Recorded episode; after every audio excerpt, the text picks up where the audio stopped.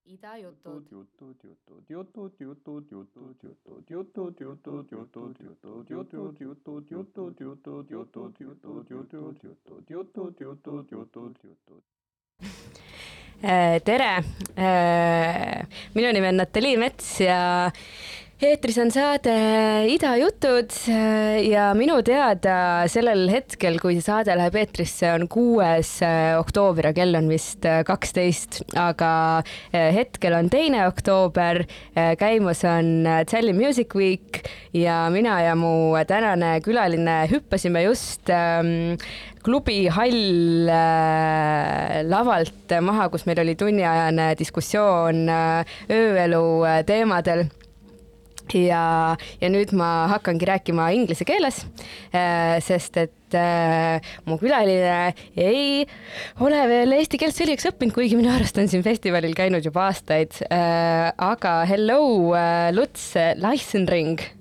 Hi, Natalie. How are you? I just uh, uh, said to the listeners that you haven't still uh, yet this, uh, learned Estonian, though you have been in this country for years and years in a row. in a row, yeah, but not for a long time, unfortunately. oh, is that true? That Tallinn Music Week was always a very good occasion to come. So I'm wondering, why are you leaving uh, so fast? Uh, you were here just for one night. Yeah, because I was uh, first of all I was asked very um, sh- in a short time, and so I had to adjust with my other schedules. And October, September, October is like the probably heaviest travel month. Mhm, back to school. back, yeah, it's like really about um, going to conferences, talking to people, meeting a lot of people, and so yeah, unfortunately, it's a very short time. Well, uh, but uh, let's uh, get on with it. Uh, then another hour of uh, talking uh, about what we love the most, namely um, the relationship of club culture and the city. So I'll also make a, a- short introduction. You're the co-founder of uh, Vibe Lab. Uh, the more a board member of uh, Berlin Club Commission, and uh, now you also run United with, We Stream and um, the global nighttime.org uh, uh, platform and Yeah. the nighttime recovery plan too. yeah, you see a lot of projects uh, building up, but um, uh, a lot happened during COVID, and we just realized also how important it is to have these translator mediators between governments and the creative community. And for this, you also need tools. You know, it's not just sitting at the round table and discussing. I- i- in many cases, it was not even a table; it was just a digital conference call. Um, and uh, so it's important to have tools, you know. And one tool is the Global Nighttime Recovery Plan, which is a practical guide that we created with uh, more than 130 people from all over the world. And um, yeah, developed ideas, strategies to learn from each other, learn from um, from different um, communities, from different cities, what they, how they responded. And I think it's the best argument you can have when you talk to city officials. Hey, they're doing this. Why are we not doing it? You know, what's your argument? hmm Uh, and and also on the day of the lockdown, we needed to have a campaign that is asking for donation, but at the same time also showing what it actually means that that we are now locked down. And so we started United We Stream, which grew in now 120 cities, and it's just like massive. Um, and um, I mean, let's say it has its its biggest time during COVID. Now we also go, uh, happy to go back to live events, um, but I still it's still an interesting tool to use. And we collected more than two million euros. We had more than 2,500 artists on a virtual stage, and um, yeah, and it's it's it was just important to sh- to showcase, hey, we are in empty clubs now. And we have no audiences, and here we are with our art, the artists on an empty stage. Um, but before we we continue on talking about um the um, these things we already brought up, uh, let's uh, go uh, way back. So uh, now uh, I would say that when it comes to uh, nighttime economy, then in the best possible way, you're the very u- usual uh, su- uh, suspect to see on conferences, uh, to you know represent the scene both locally in Berlin and Germany, but also internationally. Um, how did it happen? How did this happen? Um, I think um, you know, at one point you you ask yourself, what are your skills? Mhm. and if, when you don't play an instrument, I mean, I play guitar, but it's not for the public. Um, then you, yeah, you know, uh, I think one of the, the the things that I really like to do is um, work with creative people and work with people that that are unconventional and not going into the usual jobs and professions. And secondly, I like to connect people. And um, the first thing project that I started was 1999. um, was an internet platform in Germany, which uh, which was the first that that actually generated content by users and not by editors. So we had logins and people could upload their events and talk about them and write little blog posts. And that was before we had blogs and before we had Facebook. uh, so so it already started to build up a network on a digital base. I always uh, was a promoter in that time already, like German hip hop. And I then I ran a club for six years. I had a restaurant for three years. So did the whole operational things. And then 2009, I decided I have to to work differently. I, I'm not the one that's, you know, uh, managing a team in a club uh, throughout the night, and I, I much more enjoy working with people remotely. I was I like to work with entrepreneurs, people who really do things, and then you get feedback, and you you know like not kind of directing them Mhm. basically. And um, so I got elected to be the spokesperson of the Club Commission 2009, and um, yeah, and since then it just evolved from being a little lobby group to having a global movement of now 66 cities that have a night mayor or club commission or some kind of advocacy gr- uh, group. 66 and growing, hopefully. It's growing, but it's also a learning phase that we see that not everything what was been set up was actually working. Mhm. You know, also learning from each other. Because if you appoint somebody who's working in the city, um, and you don't have the connections to your base, to the community, um, they maybe give you a year to Mm. prove yourself, but then they start questioning what's Mm. actually happening. So you have to be very um, careful in how you approach this and where you position this, because you cannot lobby against the per- the, the organization that gives you the money, the Mhm, city. mhm. So so you, yeah, it's it's uh, it's better to be a bit more independent outside of a government role. Um, or if you're inside government, that you actually have an outside board that can support you. hmm But when it uh, comes to uh, Berlin, your own uh, hometown, do you feel that when it comes to uh, uh, club culture, uh, is it the best uh, example that uh, that could be? It is probably the most successful um, organization, um, probably when it comes to funding and members and attention. But it has also had the longest time now. When Mhm. you when the club commission was started, um, 2001, so it's now 20 years. Um, and it also, I think, is the hardest way because you have to first unite the scene. Mm. You have to bring everybody to the table, people that are competitors and maybe also don't like each other, and then to create this, is, it's yeah, it's it's not the easiest way. It's easier to say top down. This is the person who is now in charge. That's very fast. The question is, what happens then? You know, does this is this person inclusive? Is this person integrative? Is it str- str- strategically um, bringing everybody together, not leaving anybody out? Um, so I think yes, the gr- the idea to create a group is definitely better than to ha- just have one person with all the responsibility. hmm What are some of the things you feel you can be really proud of when it comes to Berlin? It started 2012 when we lobbied um, to have a music board.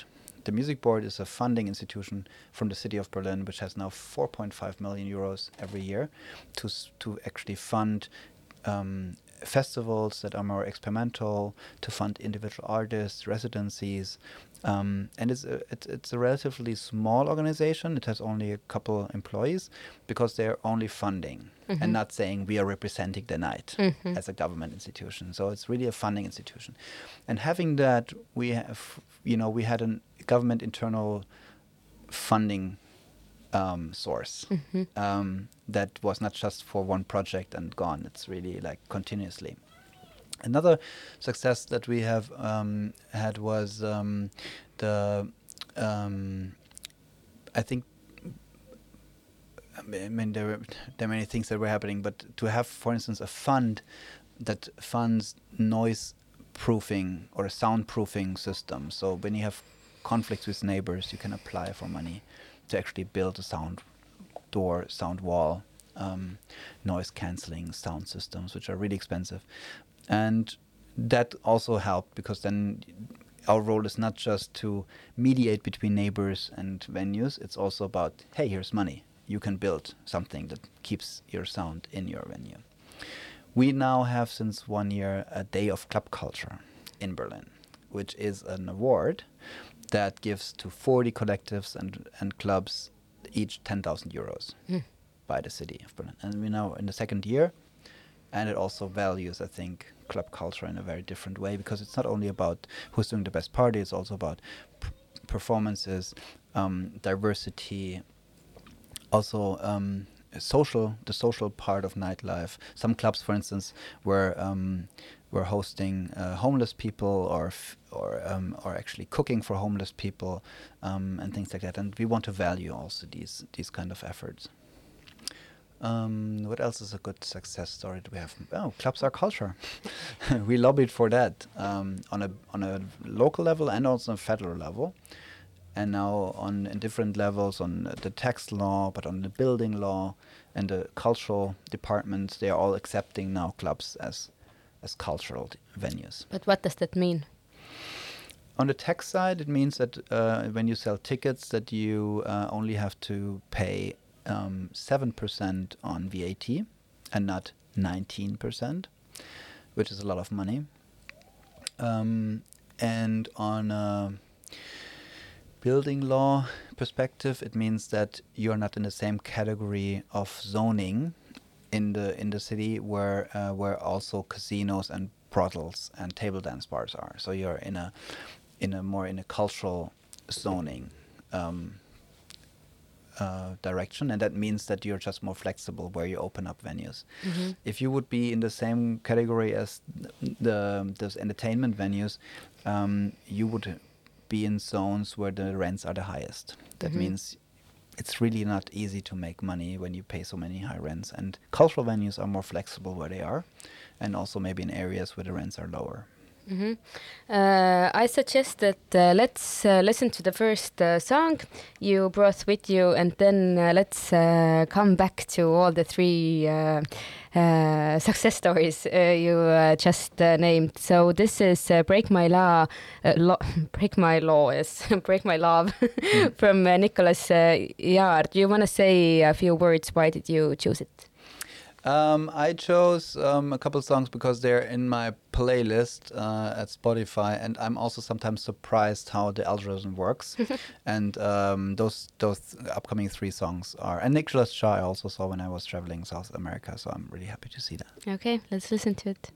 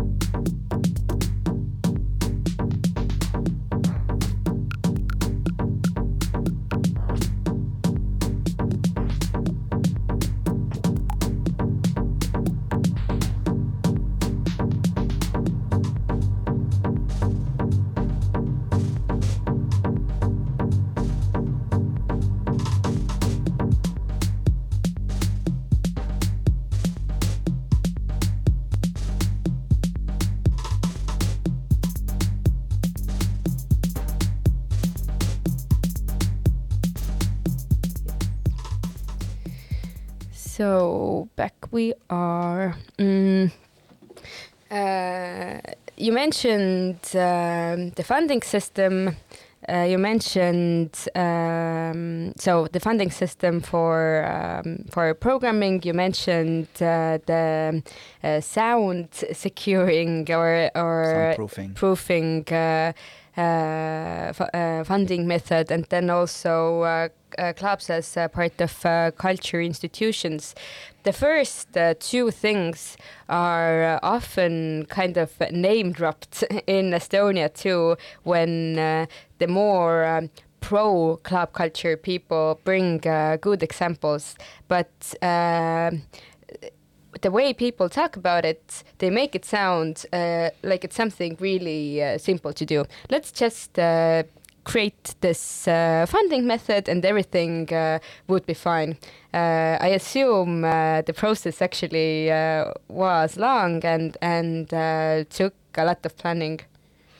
I think the the biggest difficulty when setting up the music board was also what are the int- what is the interest of the city doing it Mhm. and because when we talk about it f- for us it was important to have a you know to support grassroots music and support different venues that are not able to fund themselves and so forth and uh, and now we were very um, yeah, kind of afraid that now they they start this, but put maybe a famous mainstream musician on the top to to give this person a, a seat basically, and then um, you create kind of a lobby organization that is doing lobby for mainstream music and creative industries, uh, which which is not what, what we wanted to to intend.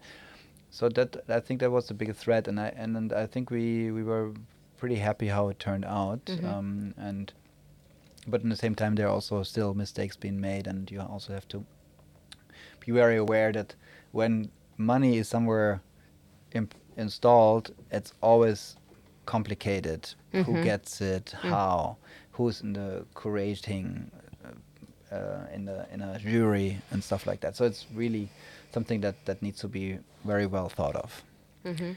Um, the soundproofing fund was much easier because it was really okay. You have conflicts with your neighbors.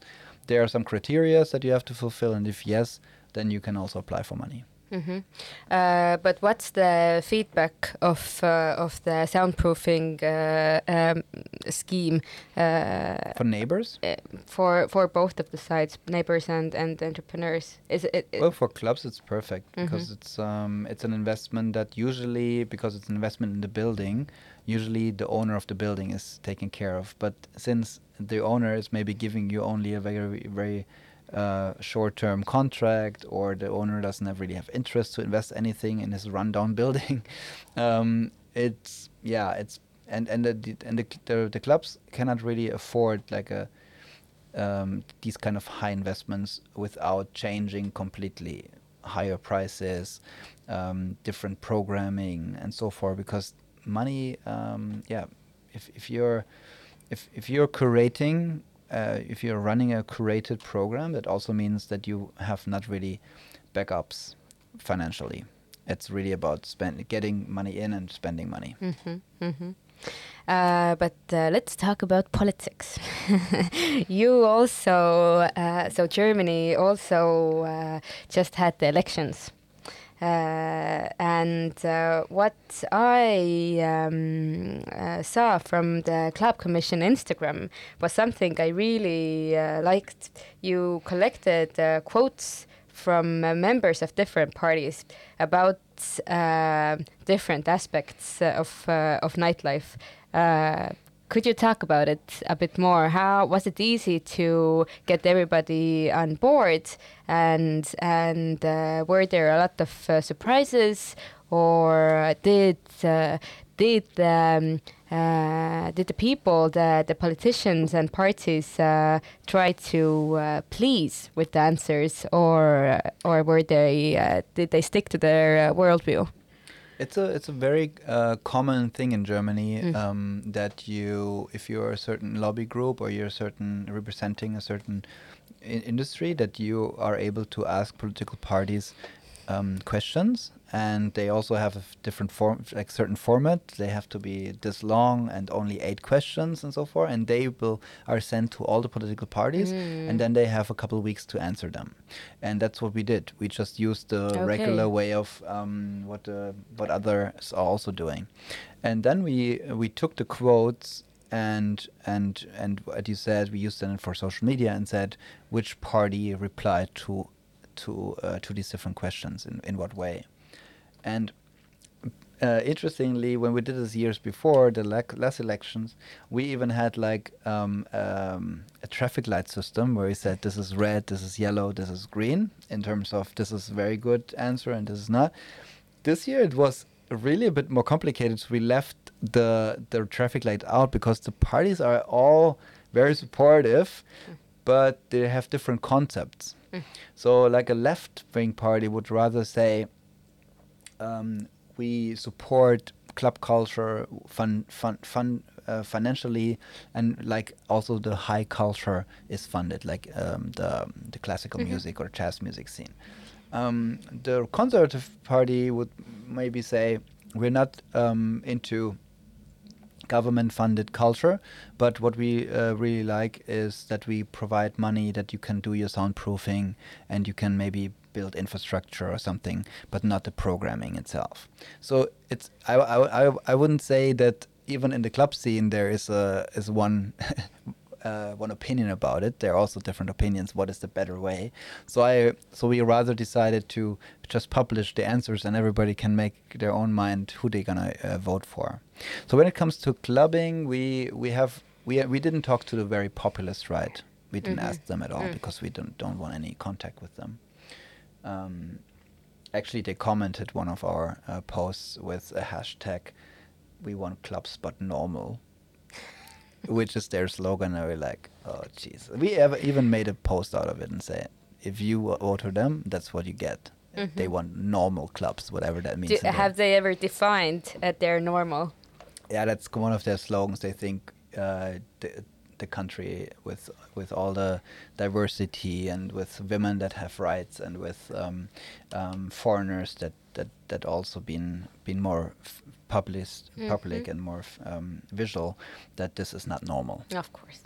so yeah not really uh, worth talking about it and we also didn't want to give them more um, publicity so we made everything blank and just said don't vote for them hmm yeah.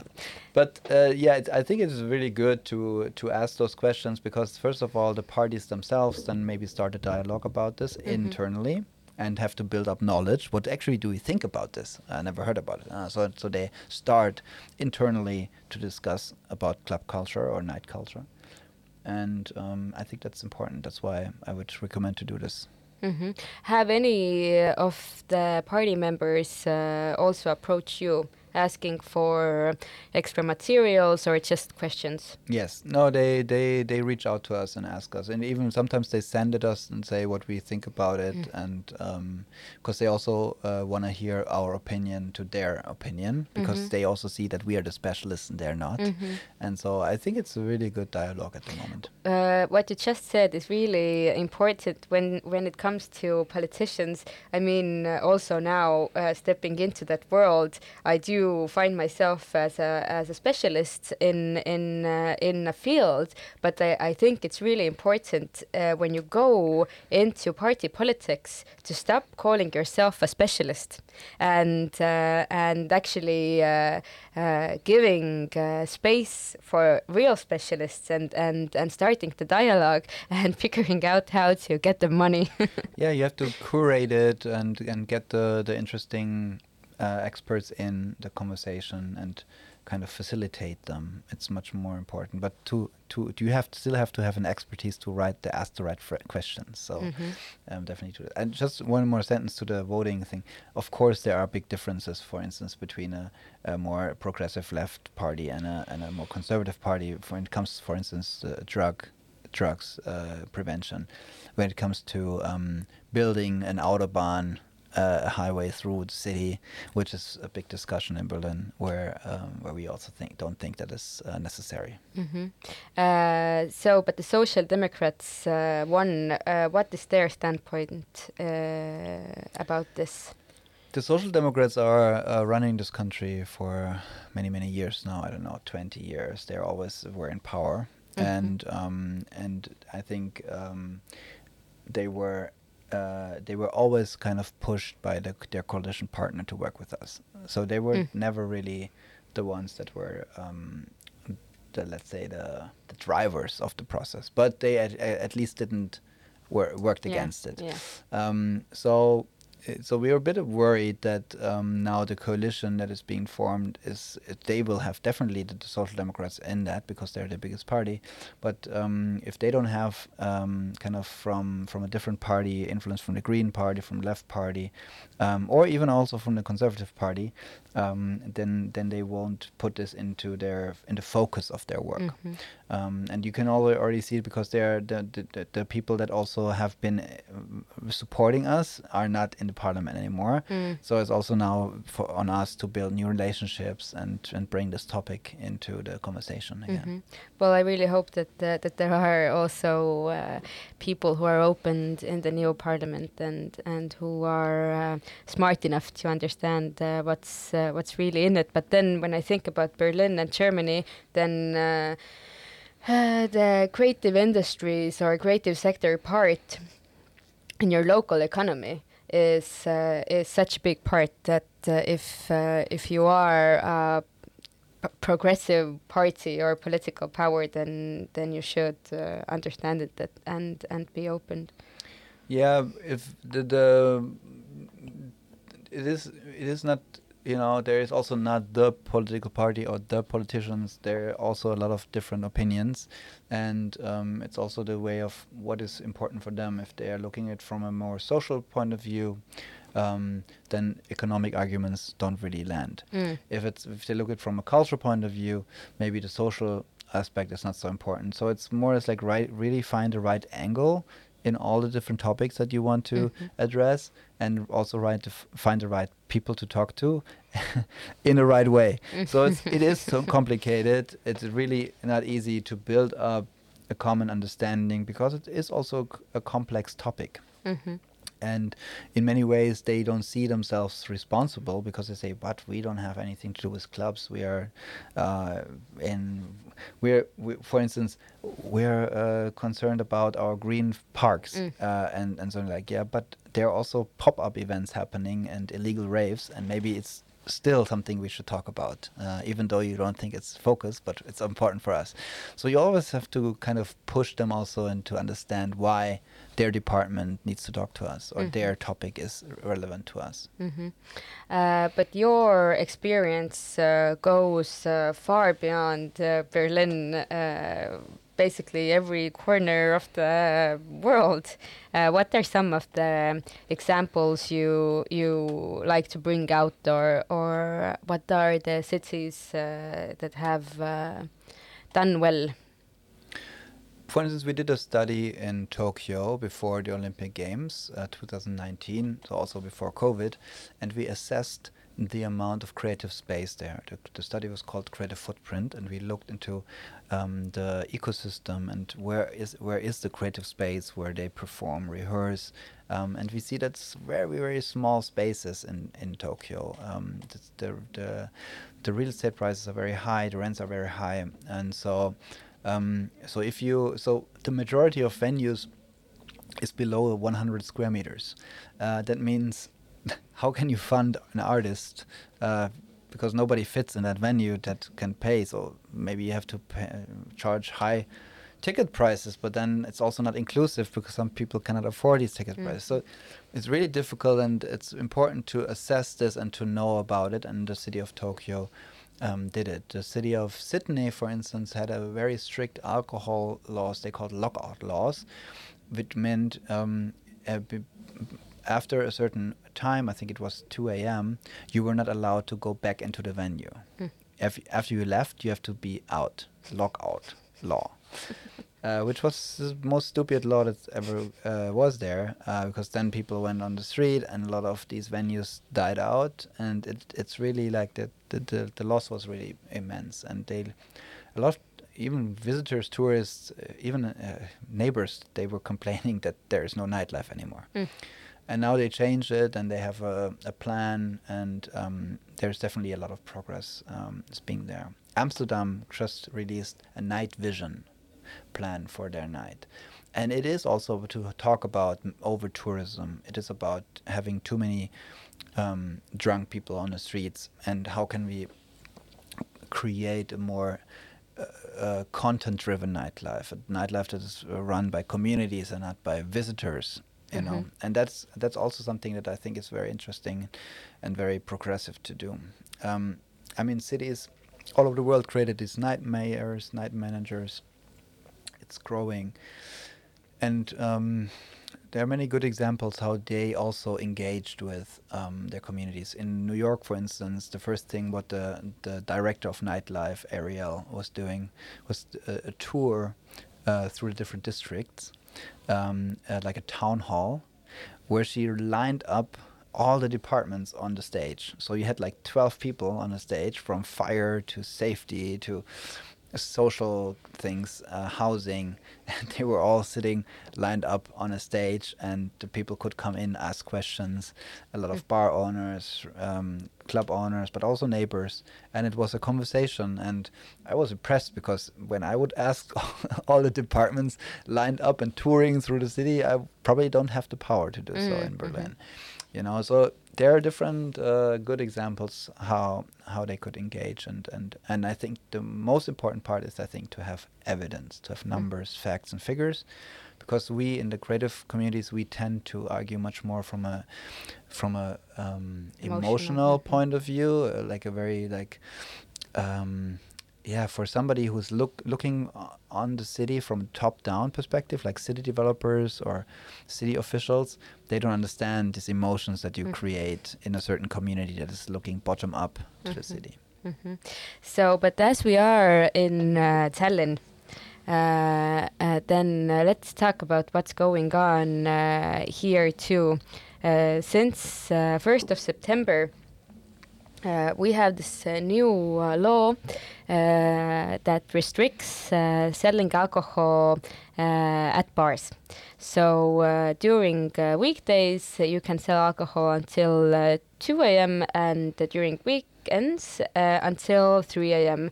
There are some um, uh, uh, some other rules saying that uh, hotels and uh, and casinos uh, and venues uh, that are nightclubs Ah, okay. uh, can uh, sell an hour longer, and and it's worth mentioning here that um Club Hall uh, doesn't count as a nightclub, nor does uh, Sveta, nor does Von Krahl. Uh, they don't fit the criteria. Uh, the the reason why these uh, restrictions were welcomed was um, the situation in the old town where there are pubs and uh, neighbors were complaining because they couldn't uh, sleep and it was uh, messy and uh, and violent and so on. Uh, do you think that this uh, restriction that now the city accepted is the way to solve the problem? Um, I think I can clearly say no, because the the problem with um, regulating the night is that people will always find ways of doing it anyway. And the question is, do we really want this as a city that people get forced to do into into illegal to do illegal things, to meet, to do illegal parties, to sell illegal alcohol, to take illegal drugs. Um, so it, it really pushes something um, towards something where you criminalize um, a whole generation, basically, Mhm. or p- people all ages that want to go out. And um, it has uh, also the negative effect that it that it um, stigmatizes the night as um, this is your problem. Um, it doesn't talk about why are people drinking too much. It doesn't talk about why maybe the night is so depending on alcohol to actually fund culture. Um, just doesn't talk about um, maybe high real estate prices. Why maybe in a certain area downtown um, you just have a very touristic drinking nightlife because that's the only way to cash in and to actually pay the rents. So it, it, it is just um, kind of working not on the symptoms. It works on on the, that what comes out, and and I, and I don't think that is a smart way of uh, managing a city. It's not a modern way of managing a city, and it's not a smart way of doing it. So the better way would be to first of all bring everybody to the table to have a dialogue about what is our vision, our common vision, which I'm sure uh, all the bar owners and club owners also align because nobody wants conflicts with neighbors and nobody wants that people are drunk and have to be hospitalized. So we can all agree on this. So now it's the question of how can we do this? And some of them will say, well, we rely on selling alcohol. That's why we have to. Pay, that's how we pay our rents. So maybe we should also start a dialogue about how we create inner city rents how this how we can also get the owners of the places in responsibility and say you guys you know you own property so maybe you also have a responsibility to think about what the cost is when when, when you do it like that. Um, and you should also think about how can we um, um, uh, incentivize the ones that are doing cultural work programming less focusing on getting people drunk Mm-hmm. So how can you incentivize them? Giving them grants, giving them access, maybe better laws, better, um, easier licenses. So helping the ones that are doing good job and not hurting everybody in the same time. Mm-hmm. Um, and then finally, bring also dialogue with the people who are the ones that disturb. Mm. You know, how can we uh, have maybe Amsterdam has a good example of so-called square hosts, people mm. that are on a square, engaging with people, telling them, "Hey, people want to sleep at night. Maybe we we keep a bit more quiet." You don't police them.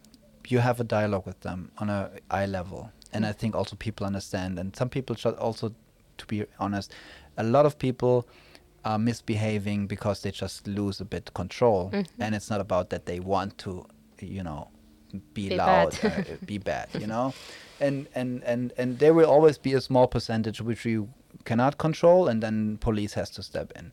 But I think there is a lot of things that you can do before you go all the way of uh, regulating it with alcohol. For, uh, um, yeah, forbidden. But what do you think uh, this restriction uh, may bring along? Uh, so I, I mean, from the negative part.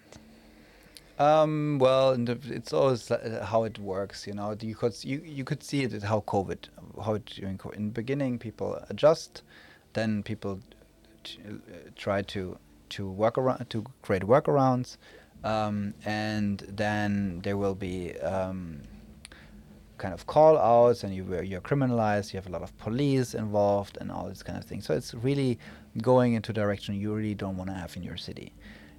I mean, sorry, criminalizing people because they want to have fun. Is just the stupidest thing you can do. You can think about maybe act differently and and maybe the the way of you have fun is not socially acceptable because you're not you know you're you know having fun also means um, that you you're disturbing on the cost of other people which also not, is not okay. You know we're living together in a society so why don't we you know all get along a bit better and so yeah, where does it will end? I don't know. It, it you, you can see it you can see you can see it in in the UK where they had uh, curfews for many years. Um, that it turns out that the the people that are going out um, are only a certain age group. Um, you have a lot of uh, monocultural uh, developments. So everything what happens will you, you see in mid and long term and not at the very beginning and I don't see any positive sides.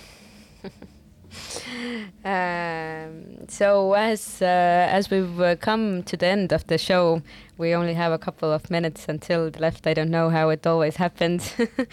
um, how do you want to see the future of uh, nighttime economy globally? What's your uh, kind of global end goal? The end goal. oh wow, uh, that's way too big. Um, let's let's let's boil it down a bit. I think what what we need at the moment is we need we need a bit more perspectives and a and a co common idea um, what we think nightlife is post pandemic. You know, what roles do we play in a city where which which gonna change where people don't uh, shop less in stores they they go to retail online what happens to the people that are um, formerly worked in offices and now uh, work from home. So so we will have a lot of changes. And we also had uh, big movements like the black lives matter movement that also um, influenced th um, things globally. And and I, I really believe that nightlife has to take a role.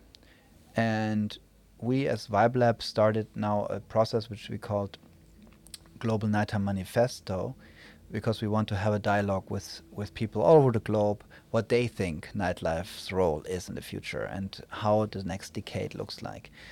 And um, to also have, you know, we can do plans, we can do concepts, we can do um, a lot of strategy, but the question is always why. Mm and the why needs to be answered by the community. And then we as consultants or we advisors, we can then look into the how and what, but the why is first. And that's why I think the manifesto is, is a very good start to answer your question.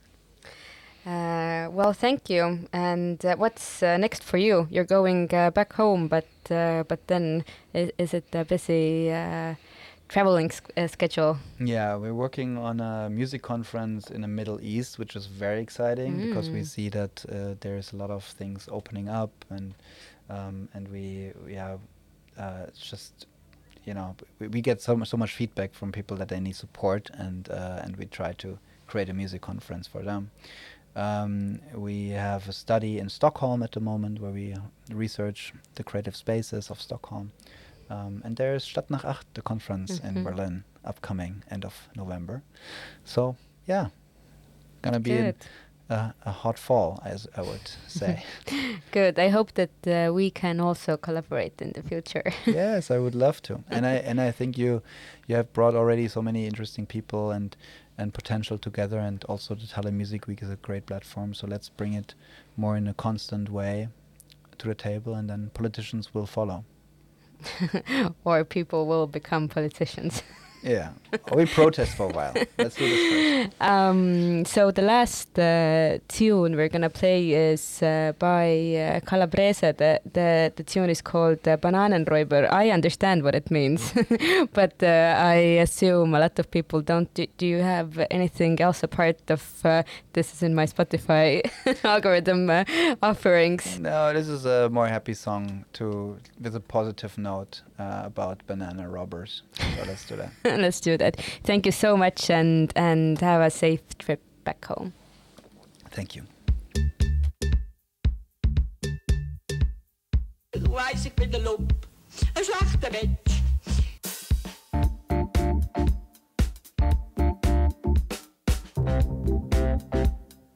Wijs ik met de